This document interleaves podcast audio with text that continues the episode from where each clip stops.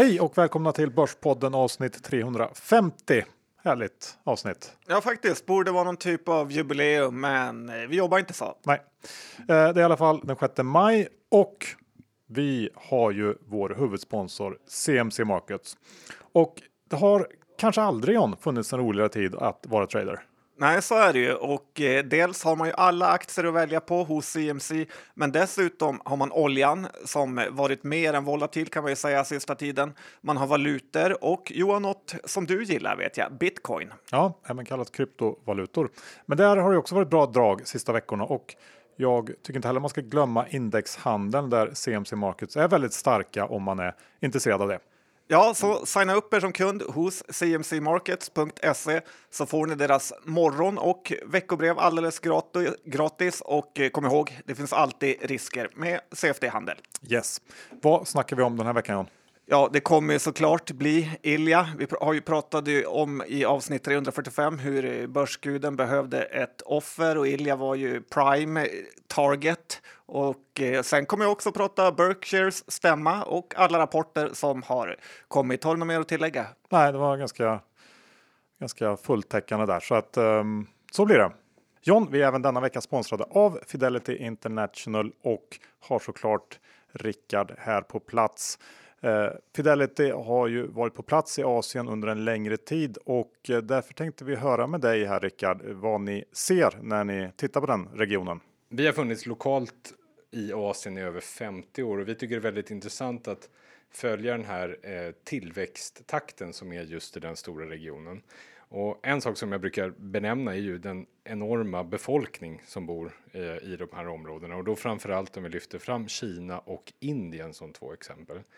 Eh, gillar man att värdera aktier om man tittar på tillväxttal så tycker vi det är intressant att om man vill ha en, en tillväxt på lite drygt 5% så är det väldigt svårt att hitta det i underliggande marknader i utvecklade världen såsom Europa, Nordamerika och i synnerhet Sverige.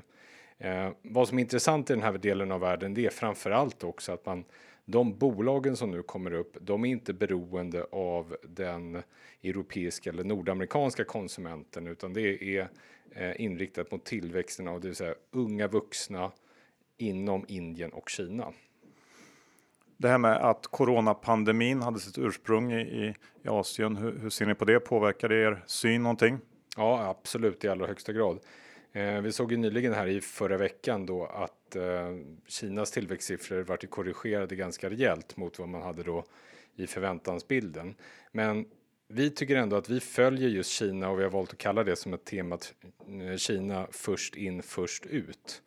Eh, produktionen, om man tittar inom tillverkningssektorn, den var igång 80% i slutet på mars och nu är den uppe på 100 Eh, och eh, det var ungefär nio veckor sedan som den stora staden Wuhan då stängdes ner och nu är hela landet i stort sett öppet igen. Eh, och eh, så det tycker vi ses som ändå en, en bra tillväxttakt. Sen att Indien har det lite fortfarande då att de är nedstängda, eh, lite mer utmanande för tillfället. Tack för det Rickard. Fidelity tar inget ansvar för det som har sagts i podden och investeringars värde och eventuella intäkter från dem kan både minska och öka och det kan hända att du inte får tillbaka det investerade kapitalet. Historisk avkastning är inte en tillförlitlig indikator för framtida resultat och det är också viktigt att läsa prospekt samt KIID-dokumentet och investeringar på tillväxtmarknader kan vara mer volatila än på andra mer utvecklade marknader.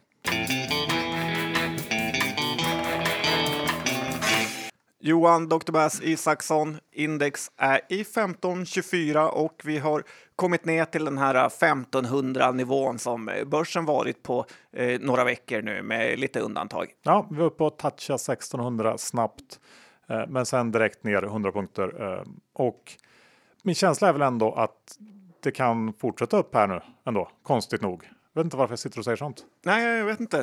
Lyckopiller kanske. nej, nej, det är det inte. Men, nej, men eh, jag har tänkt lite på det här snacket nu man hör hela tiden om att världen är förändrad för alltid efter corona. Och jag undrar om det verkligen stämmer. Vi ska tydligen inte flyga mer, vi ska bara liksom äta mat hemma, vi ska inte gå på fotbollsmatcher, vi ska träna hemma och så vidare och så vidare. Och jag vet inte om det är bara jag, men jag känner ju precis tvärtom. Eh, om det gick så skulle jag åka flygplan en månad i sträck nu man är ju så fruktansvärt sugen på att komma ut och göra saker och min känsla är. Det är ändå rätt imponerande med tanke på att du är två meter lång så att du hatar att sitta fast i Ja. flygstolen. Men det säger ju någonting ändå. Um, nej men, min känsla är att, det, att allting kommer komma tillbaks snabbare än vad de flesta tror. Uh, lyssna till exempel på Pandoras konf-call igår. Lyssnar du på det? Nej, absolut inte. Nej, Eh, du vet redan allt om de här smyckena som du går runt med. Ja, när jag är naken. Ja. Nej, men det jag fastnade för, eh, bland annat, där var väl att eh, trafiken i, i butikerna i Tyskland um, när man öppnar upp där har återhämtat sig mycket snabbare än vad de har gjort uh, i Kina. Jag tycker det var lite intressant, kanske finns någon kulturell skillnad där, men jag tror ändå att det finns någonting i det. Uh, Man ska inte underskatta människors vilja att leva och liksom förmåga att komma tillbaks. Eh, sen så får man väl också komma ihåg att de, de värst drabbade bolagen i det här eh, inte alls har studsat tillbaks eh, på börsen i samma omfattning som, som liksom index har gjort och det finns såklart permanenta förlorare i den här krisen. Men eh, tycker ändå att eh, det är lite för mycket negativitet där ute. Ja, det var ju så här efter 9-11, ingen skulle våga flyga. Ändå har flyget varit större än någonsin. Efter det, även om flygplans, flygplansbolagen inte gått eh, så bra. Ingen skulle äta tacos och köttfärssås efter den här ICA-skandalen. Kanske lite små jämförelser, men ändå. Det brukar alltid gå tillbaka till det normala. Ja. Ska vi gå över till veckans mest dramatiska händelse då? Ilja och SBB såklart. Ilja blev ju igår anhållen och det ska handla om misstanke om insiderbrott i samband med SBBs bud på Hemfosa här i höstas. Eh, Och sen så ska det vara ett antal ytterligare personer som är misstänkta i den här härvan, bland annat en, en person som funnits med i en tidigare väldigt uppmärksammad ekobrottshärva. Eh, och eh, det man kan notera här är Men blev friad, ska sägas. Ja, det man kan notera här är väl att den här utredningen påbörjades 2018. Eh, och det var ju långt innan det fanns något eh, bud på tapeten från SBB på Hemfosa. Så att, eh, eh, min känsla här är väl att det här är väl en grupp av personer som man har eh, liksom haft lite span på under en tid. Man har haft någonting eh, lite mindre eh, som man ändå har valt att inte gå vidare med eh, och sen så har det här dykt upp. Och känslan är väl också att Ilja kom in i det här eh, under tiden så att säga. Ja, så kan det nog vara. Det går ju väldigt fort när Ilja gör affärer och det är möjligt att det är något eh, slarv från hans sida eh, eller inte. Men det eh, ska bli spännande att se. Men det känns ju ändå så. Ja, utan att veta någonting såklart. Men i alla fall, den här nyheten kom ju igår under eftermiddagen och om vi ska prata om SBB som aktie så dök ju den direkt, var ner som mest 40% stängde väl dryga 18% ner och ehm, ja, hur ska man se på det då, den här själva, själva aktien? Och det, till att börja med så är det ju få bolagen då som är så hårt förknippade med sin vd eh, som SBB. Ilja har ju byggt upp SBB till en, en jättespelare får man säga eh, på fastighetsmarknaden på väldigt kort tid eh, genom att delvis ta stora risker och bolaget är högt belånat. Han är högt belånad privat. Eh, han har ju tidigare också varit i blåsväder när han fick sparken från Rikshem precis innan han grundade SBB. Så det finns ju ändå skäl att vara lite orolig om man äger SBB aktier. Eh, och känslan är väl att, som du var inne lite på här, att när det går så snabbt som det har gjort så är det lätt hänt att det slarvas eh, medvetet eller omedvetet. Och eh, när det gäller just aktien så tycker jag att reaktionen är ganska rimlig. Eh, för man får ändå fundera på hur det här påverkar SBBs förmåga att ehm, refinansiera sig framöver. Hur påverkar det ur eh, den numera så viktiga ESG-vinkeln? Ehm, kan det bli aktuellt med tvångsförsäljningar av Iljas egna aktier? Det finns många, många osäkerhetsfaktorer i den här aktien nu och eh, sen så tänker jag också att, att det finns många närliggande trådar att dra i i den här härvan. Ehm, till exempel eh, Backahills ofattbart vältajmade försäljning av ehm, nästan 31 miljoner aktier för bara en vecka sedan. Eh, Backahill Och vi hade Erik Selin för eh, två veckor innan det som sålde sina ja, aktier. Precis. Backahill har ju varit storägare sedan noteringen och eh, de säger ju själva att de har genomfört en strategisk genomgång och kom då förra veckan fram till att det var dags att sälja. Så kan det ju såklart vara, men man måste ju väl ändå granska en sån försäljning, eh, tycker jag. Ja, också lite intressant med att eh, Cervenka skrev den här eh, förkrossande artikeln om att eh, Ilja inte var Jesus, också bara en vecka innan det här hände. Så det känns ju ändå som att det varit mycket, mycket snack kring det här kan jag tycka. Ja, jag håller med. Eh, men vi vet inte så mycket mer just nu så att det är svårt att spekulera vidare. Eh, jag det enda man kan säga är att vi kommer ju få följa den här härvan under en ganska lång period nu och det kommer ju säkert eh, dyka upp eh, mer intressanta liksom, aspekter av den här affären. Ja, och det var en mäklare som sa till mig en gång att eh, en bra finansman har alltid en fot i häktet. Och eh, med det menar man väl att eh, många av de här stora finansmännen är ju lite grann i gränslandet och rör sig för att göra de här klippen. Och man ska komma ihåg också, tycker jag, att många av de här stora respekterade namnen eh, vi ser idag som opererade på 80-talet och insideraffärer inte var olagligt utan bara någon typ av omoraliskt. Eh, eh, men jag kan lova dig att de har gjort enorma förtjänster på sån handel. Och sen tycker jag också en sak är spännande att eh, tänka på att eh, de här åklagarna, de följer ofta pengarna.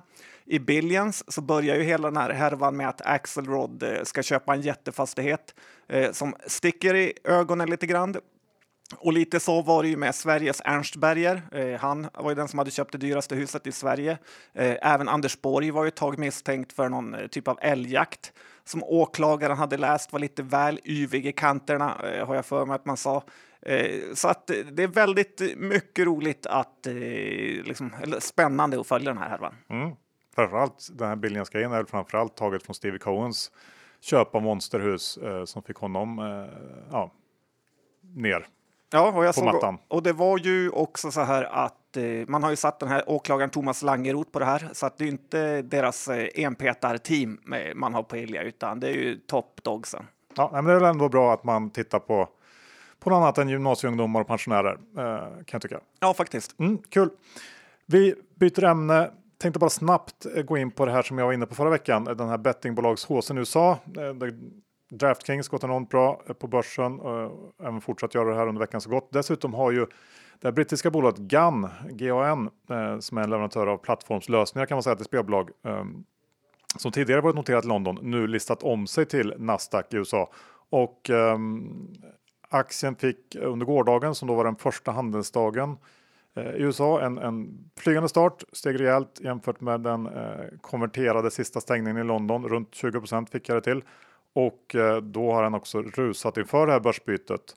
Så att det, man kan väl upprepa det där med att det kan vara någonting för Ström att kolla på. I och för sig så misstänker jag att kan bli styrka på slutet eh, delvis beror på den här håsen eh, för den här typen av bolag i USA och eh, det faktum att Kambi erbjuder en, en fin exponering mot den amerikanska marknaden. Men eh, ändå, Ja, det är ju lite väl hypat. Eh, många eh, bolag har ju gjort det med att byta lista för att få upp eh, värderingen. Ja. I grund och botten så duger det att göra det man ska göra och göra det bra.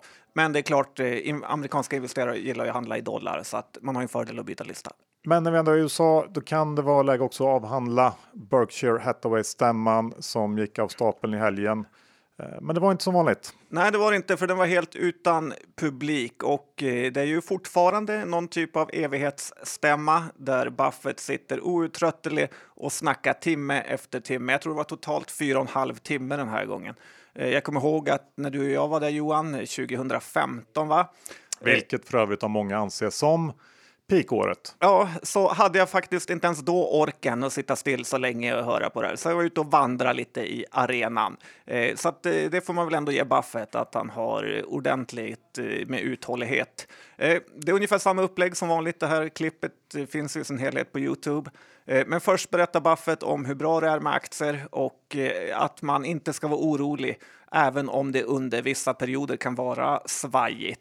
Buffett drog den här anekdoten om att man köpte, akt om man köpte aktier den dagen han föddes, 1930, eh, så hade man fram till 1932 då tappat 83 procent av värdet under den här ja, depressionen. Då. Så att eh, det här skämtet med att man är född i en lågkonjunktur kan man väl faktiskt applicera på Buffett utan att eh, skämmas. Eh, eh sen var det också det här obligatoriska snacket om Never Bet Against America som vi känner till och eh, Sen är det ju också, tyckte Buffett att det var lite överdrivet snack om eh, eh, Berkshires enorma kassa då de som företag behöver en jättestor kassa eh, med tanke på deras försäkringsverksamhet och andra förpliktelser de har. Och det som jag tyckte var mest intressant med det här försnacket innan frågorna kom var ju hur mycket Buffett sa att insättningsgarantin hade förbättrat USA när den kom 1934.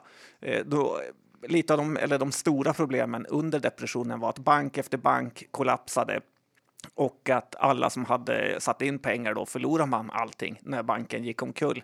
Och istället har den här lösningen som väldigt många länder har att eh, alla banker betalar in en liten premie i en pool som då backas av staten och att det här har varit en enorm game changer för USA då, att man kan lita på bankerna. Och eh, det som var mest intressant under frågestunden var väl det här som har eh, man läst överallt i media, är att han fick erkänna att han har sålt alla sina innehav i flygbolagen. Vilket var ju tvärtom mot vad han sa när han tidigare sa att han skulle köpa mer. Så hur gosig och rar den här farbrorn än är och folk tycker att han är så är det ändå plånboken som eh, kommer först Johan. Precis som för oss alla andra.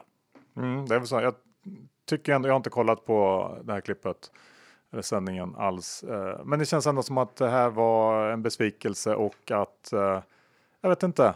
Det mm, är inte den här eran lite på väg att ta slut? Eller det är klart den är eftersom de är 100 år gamla bägge två. Ja, Men ändå. Du har helt rätt. Buffett kändes eh, lite seg och tittar man på många Berkshires innehav så är det ju eh, de har mycket inom energi. De har ju Fruit of the Loom. Eh, Kanske inte just största. In... Nej, men det är ändå 21 000 personer som jobbar där. Det är eh, väldigt många lite sämre innehav som Berkshire innehåller. Det känns inte premium och de har köpt Apple för 73 miljarder. Lite fantasilöst eh, kan jag tycka och det är dollar då vi pratar om. Så nej, Berkshire eh, har kanske gjort sitt. Och jag tror också för att avsluta det här att eh, vi, det kan nog ha varit den sista riktiga stämman förra året. Jag tror aldrig mer att det kommer bli en sån här fysisk eh, feststämma i Omaha igen. Går emot lite vad du sa alldeles nyss. Vadå då? Om att allt ska komma tillbaka till ja, men Jag tror det, det känns som att de, eh, de orkar inte. Okay. De kommer inte komma tillbaka. Ja, tack för den spaningen. Ja, vi får se nästa år om det är rätt. Uh, på tal om besvikelse John. Ja, ska Ve du prata om dig själv? Nej. Nej, just den här veckan är jag inte så besviken på mig själv, men nu när det inte händer så här jättemycket kul så såg man ändå fram emot den nya säsongen av Billions. Uh, första avsnittet kom i söndags, men herregud vilken besvikelse. Det var ju uh, riktigt uselt rakt igenom och vi kan nog uh, slå fast redan nu att det här blir Billions sista säsong och man borde faktiskt ha struntat i att producera den.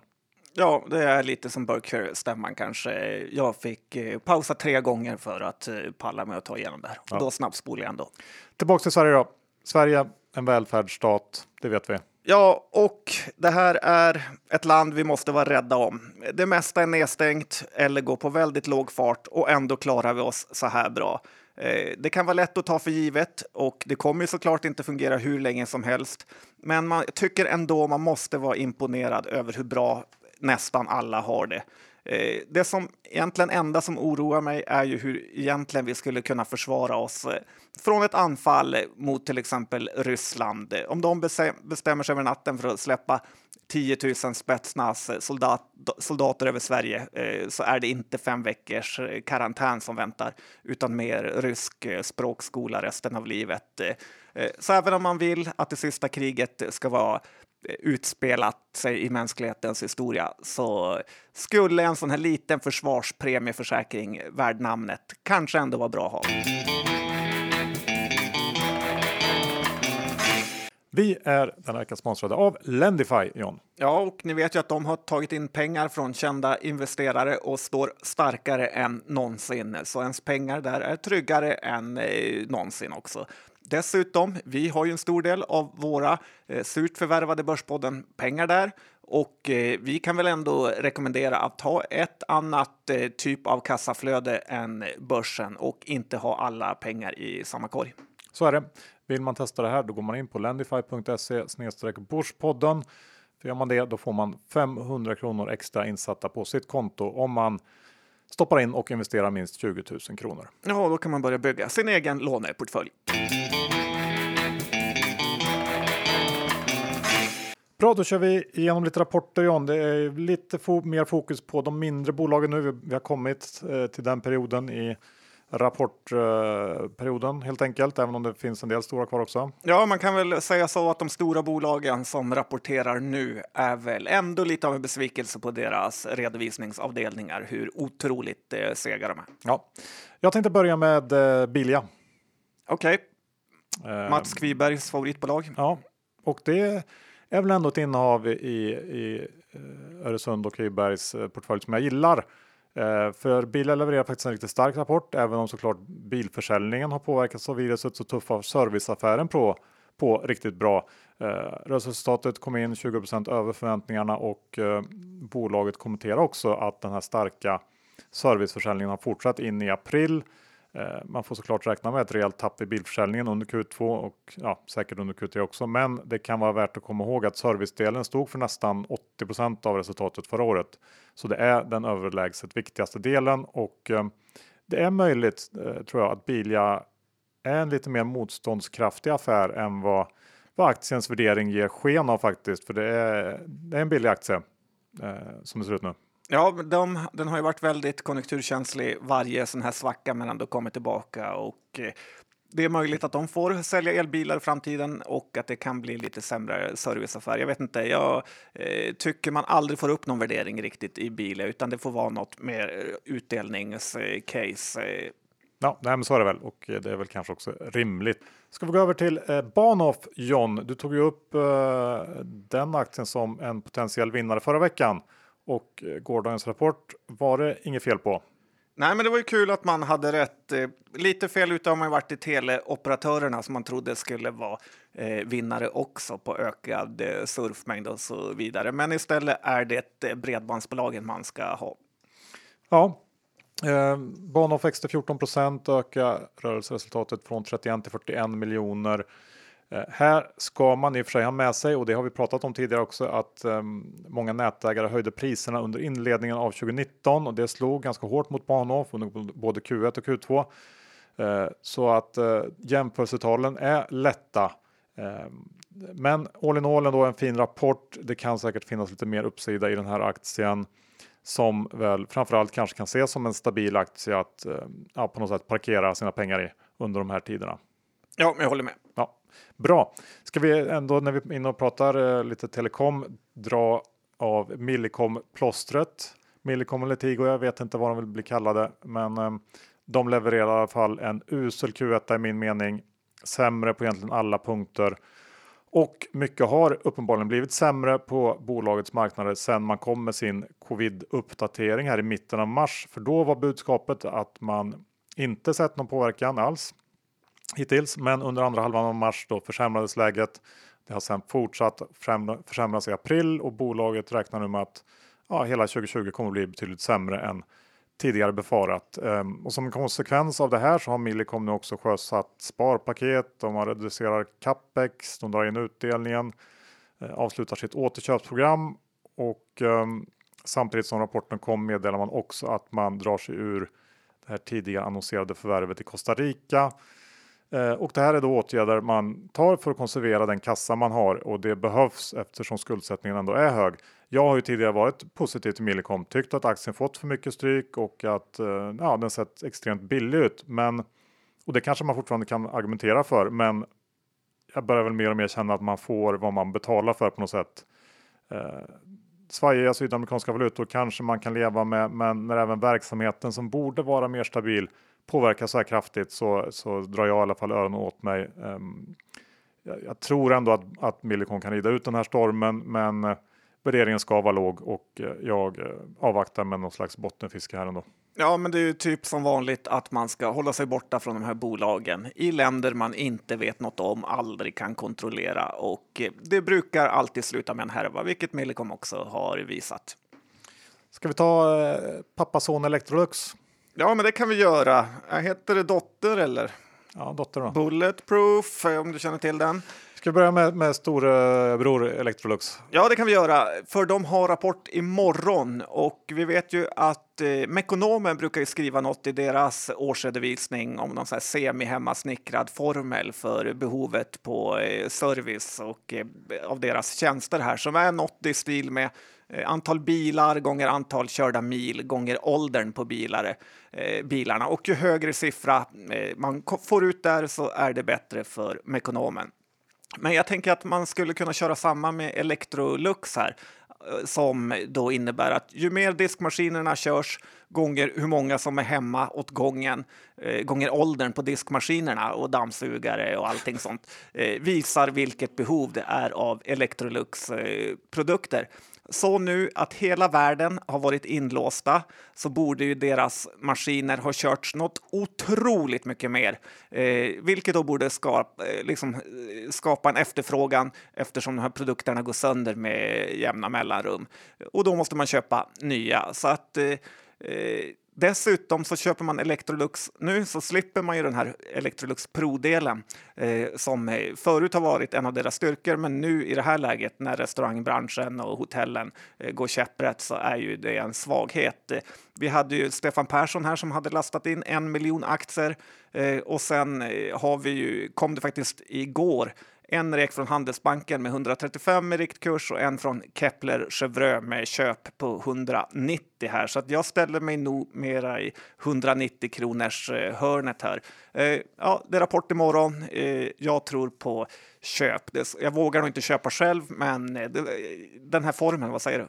Ja, den låter ju väldigt spännande. Jag skulle gärna se dig eh, ta fram den, räkna ut den och, och liksom ja, redovisa det det tror jag lite svårare kanske, men, men eh, jag gillar ju tankesättet.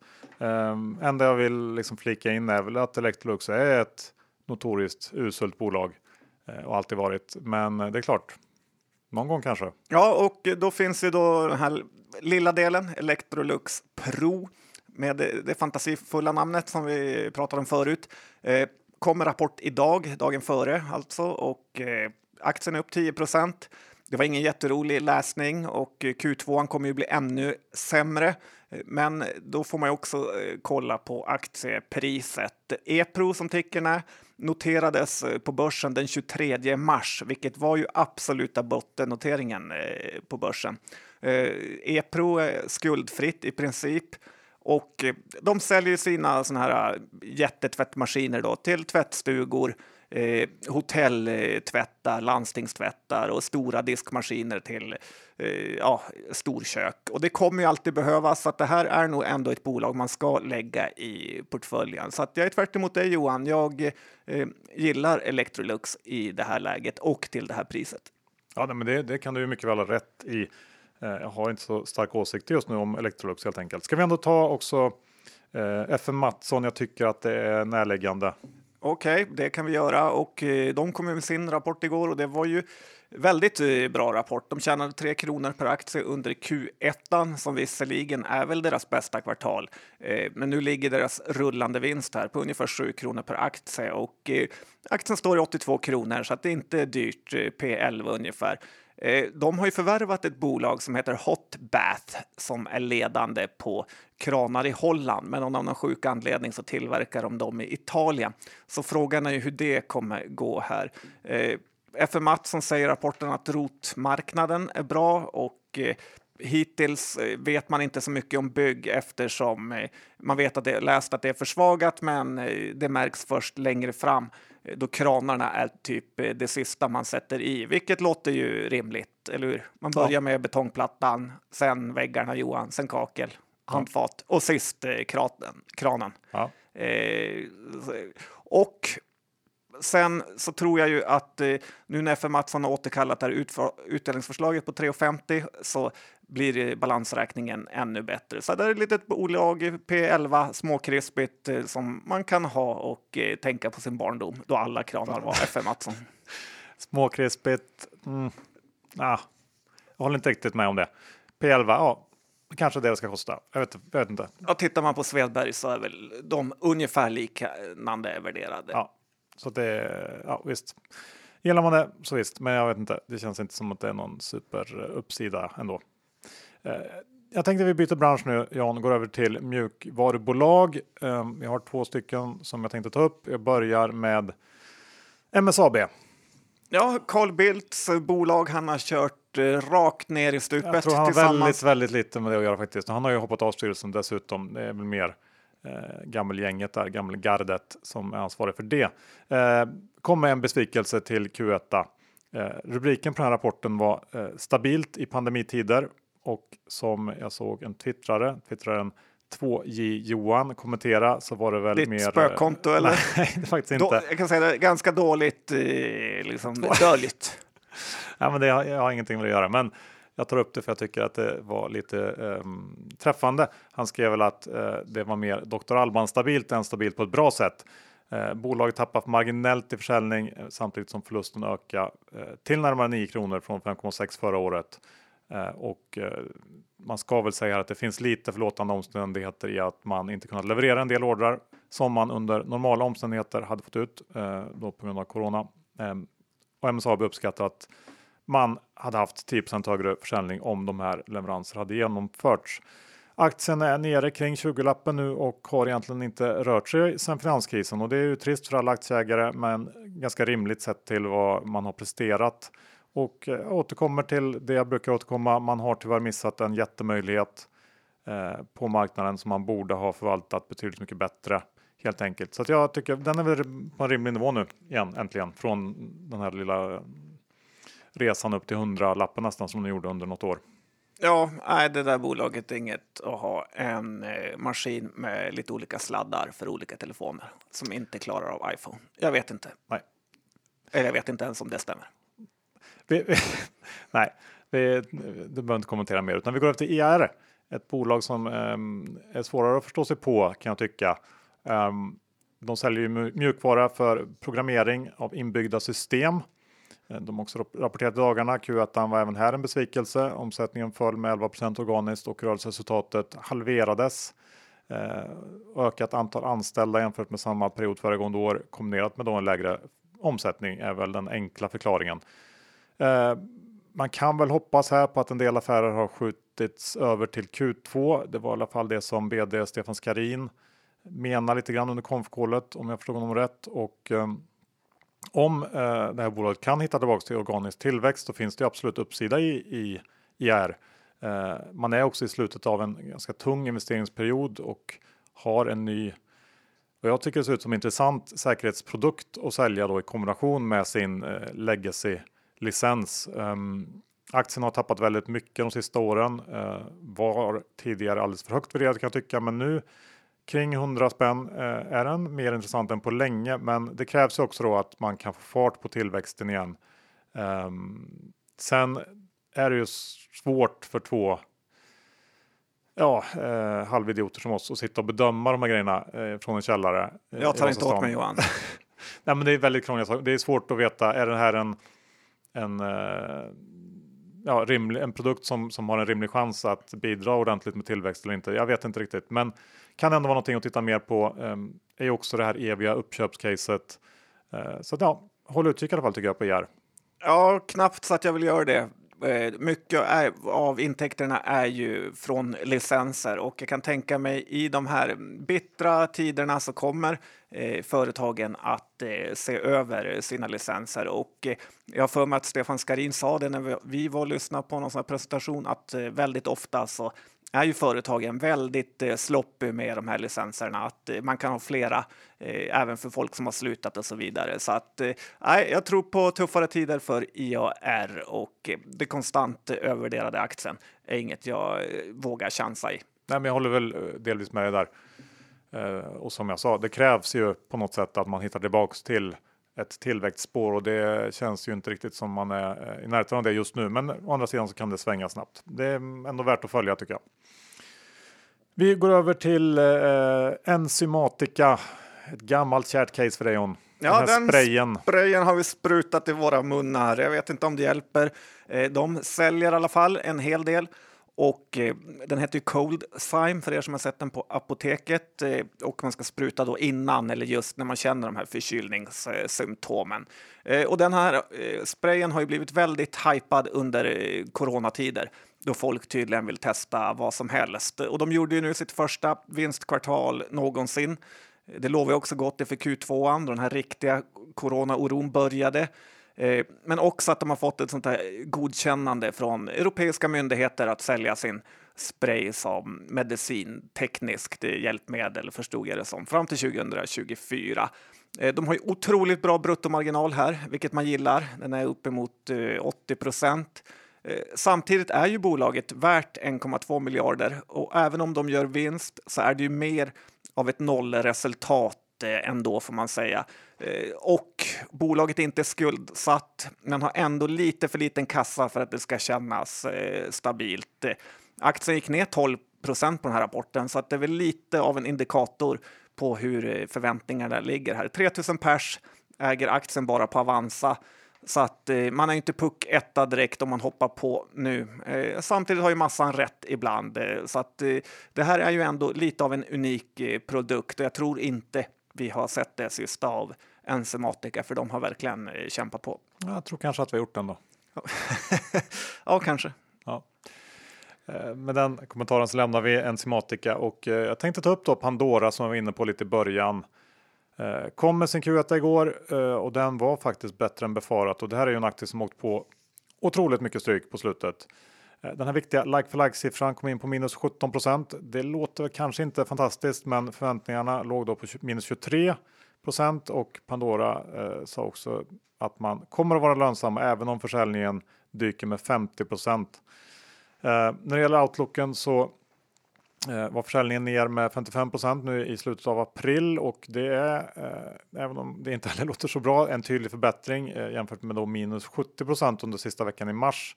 Så man börjar väl se någon slags vändning Eh, Eh, och även Pandora har eh, i likhet med många andra bolag vidtagit en, en rad åtgärder för att trygga likviditeten. Eh, där den kanske största var att man valde att sälja massor av återköpta aktier. 8% av bolaget sattes under gårdagen och ehm, tycker att det var, var, imponerande att se hur bra aktien klarar av det. och det känns som att marknaden börjar tro på den här turnarounden nu och om man lyckas med det så finns det massor av uppsida i Pandora oavsett vad du tycker om.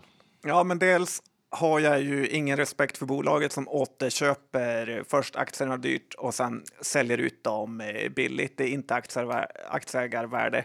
Sen har jag heller ingen respekt för någon av Pandoras eh, kunder som går in och köper de där grejerna. Så det, det är dubbel disrespekt från mig. Ja, på olika sidor du kan man säga. Ja, så är det. Ja, vi får titta tillbaka om ett, ett år eller någonting, ett halvår. Se hur det har gått. Titta i smyckeskrinet. Ja, ska vi avsluta med Norwegian? För där händer det grejer. Ja, det skulle kunna skrivas en bok, jag vet inte ens, det kanske har gjort det, om Norwegians uppgång och fall här. Eh, det är nästan ingenting kvar av det här en gång så mäktiga bolaget och eh, vad hette han, Lasse Kjus, eller jag blandade ihop det med någon skidåkare, när han var i Skavlan och eh, skällde ut den här som hade skrivit kapitalet om att han betalade mer än 100 procent i skatt Eh, nu är det istället skattebetalarna som får ställa upp eh, och garantera här. Eh, men främst är det de som har leasat ut eh, planen till Norwegian som då får konvertera den här skulden till aktier. Så Norwegians egna kapital kommer upp i en viss procent och då får man tydligen eh, pengar från staten här. Och det här gammel Norwegian, om man säger så, aktierna som handlas just nu kommer då endast bestå av eh, 5 av det nya bolaget. Och med det sagt eh, så kan man ju säga att det här är en solklar sälj av aktien just nu. Det är de svenska och kanske norska småspararna som håller uppe det här, vilket är helt fel.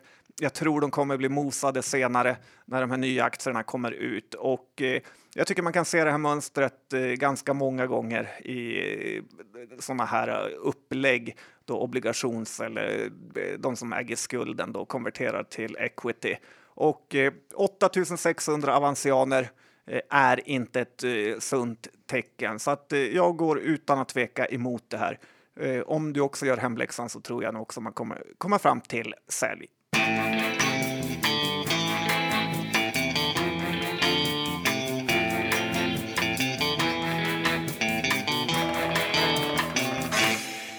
Slut på avsnitt 350. Vi tackar vår huvudsponsor CMC Markets. Ja, det är väldigt bra. Signa upp dig på ett konto där så får du veckobrev, månadsbrev, morgonbrev. Ja, och man kan börja med ett demokonto och testa sig fram. Är ja, kul. Bra app. Ja, eh, Tack också till Fidelity International. Kika in på deras fonder om ni är intresserade. Och såklart tack till Lendify. Lendify.se Börspodden för att ta del av den här femhunkan om man sätter in och investerar minst 20 000 kronor. Ja, du kunde inte sagt det bättre själv. Nej, kunde jag inte. Uh, när det gäller innehav, hur såg det ut? Jag nämnde Kambi, det äger jag. I övrigt tror jag inte att det är något speciellt. Hur är det med dig John? Nej, jag äger också eh, Kambi eh, och i övrigt har jag Bahnhof. Bra, då tackar vi för oss. Hörs om en vecka igen. Det gör vi. Hej då!